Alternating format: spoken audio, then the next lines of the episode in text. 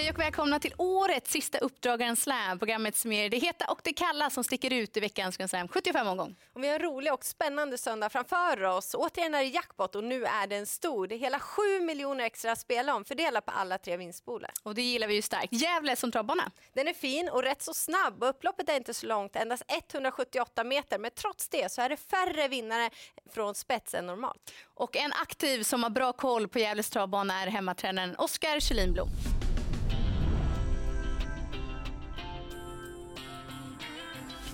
Jag tycker att det är en bra bana just att du, du kan vinna från alla positioner.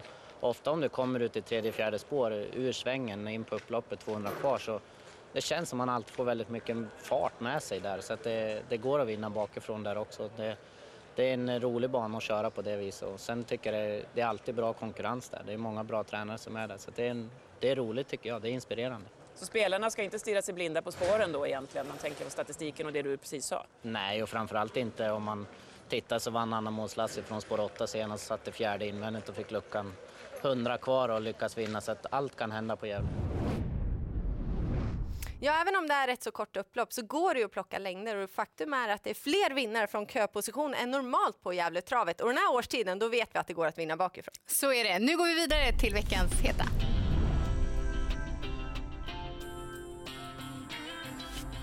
Vi börjar i den andra avdelningen med nummer 11, Gamin Delär som har gjort två bra starter på svensk mark som har resulterat i en seger och en andra plats. Han är under fortsatt fin utveckling, han har den rätta inställningen och jag är inne på att det är han som är starkast till slut. Och I den tredje avdelningen då har du hittat en vinnare från köposition.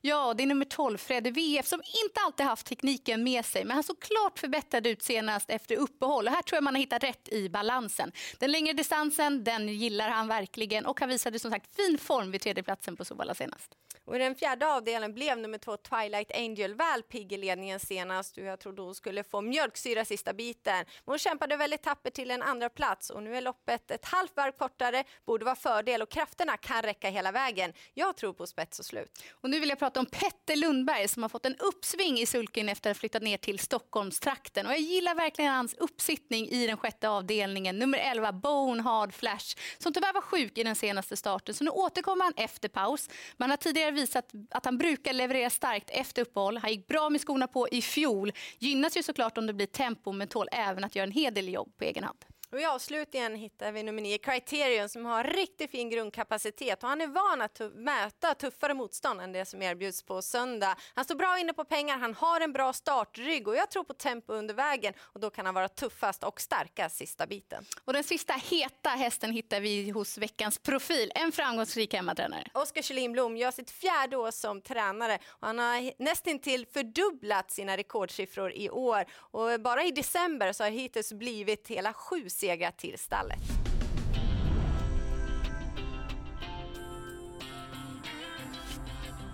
I avdelning 1, nummer 5, Bäcklös Faron. Vad vill du säga där? Vilken fin häst. Det är så? ja, Nej, men är, han har ju visat att han har varit väldigt bra. Nu har han återkommit här på hösten efter eh, långvarig skada. Och han har fått några lopp i kroppen och känns jättefin och kommer mer och mer. Och det är klart att eh, jag tror att han ska ha bra chans. Nummer sju Big Hurt då i avdelning 3, har du samma sköna känsla där? Eh, nej, det var lite tråkigt att han inte fick starta i Monté här i, i lördags när det var inställt på Örebro, för det hade varit kul att sätta den där. Nu ändrar vi lite grann, det blir sulke och 3000 meter första gången. Men jag tycker att det känns som att han har bra styrka i kroppen så det, det ska bli roligt att se vad han kan göra men han måste leverera på banan innan jag vågar tro för mycket. Chestnut har du i avdelning 6. En eh, speciell häst för mig. Han eh, betyder väldigt mycket för mig utan att jag kan förklara egentligen varför. Men han är bara den han är och det räcker för mig. Eh, han, eh, det är klart att han är bra. Han har visat det också. Han har vunnit mycket lopp. Men jag ställer inte så höga krav på honom längre efter allt som har varit med honom. Men eh, i det här loppet så ska han väl ses med en bra chans. Han kändes otroligt fin senast och han kändes jättebra efteråt. Så att, eh, jag tycker att det är en bra chans där också. Sen då, Zack Bris nummer 12 i avdelning 6 på Gävle. Eh, han återkommer till mig faktiskt. Han, eh, eh, det är ingen som vet det, men han, kanske, men han har faktiskt varit borta från mig i fem månader. Han, de flyttade han efter han startade på Kalmar och så han var hos en annan tränare. Men så ringde de här för 14 dagar sedan och frågade om jag ville ta tillbaka honom. Det är en häst som jag tycker om. Han vann V75 för mig förra vintern så att, han var varmt välkommen tillbaka och Jag körde han två gånger och tyckte han kändes så pass fin så vi anmälde direkt. Nu är läget iskallt och han har inte startat på så länge och bara ett banjobb vet jag han hade fått hos den förra tränaren så att eh, vi ligger lite lågt där. Och så slutning, avslutningsvis då Anna Mauds Lassi i avdelning 7, nummer 8. Fick ju äntligen vinna senast. Jag varnade för henne snart ett år känns det som och då fick hon utdelning när det var när allting klaffade till 100 procent och hon gör alltid sina lopp och gör bra lopp. Nu är hon lite uppanmäld men den formen hon har nu den tror hon aldrig hon har haft i hela sitt liv så att, eh, jag blir inte förvånad om hon vinner men då måste det klaffa till 100 procent. Det är ju några intressanta du har, men är det nummer fem Bäcklös Faron som du tror allra mest på av de här? Ja, det är det. Ja, det lät riktigt bra på nummer fem, Bäcklös Faron i den första avdelningen. Ja, det förstår man. Han håller honom väldigt högt. Han har riktigt fin kapacitet. Att det inte blev seger senast, ja, det är han ursäktad för. Det var en smygkörd Alfie som tog sig förbi sista biten hon är van att möta eliten och tjänat över två miljoner kronor. Det var våra heta i omgången. Nu vidare till veckans Kalla.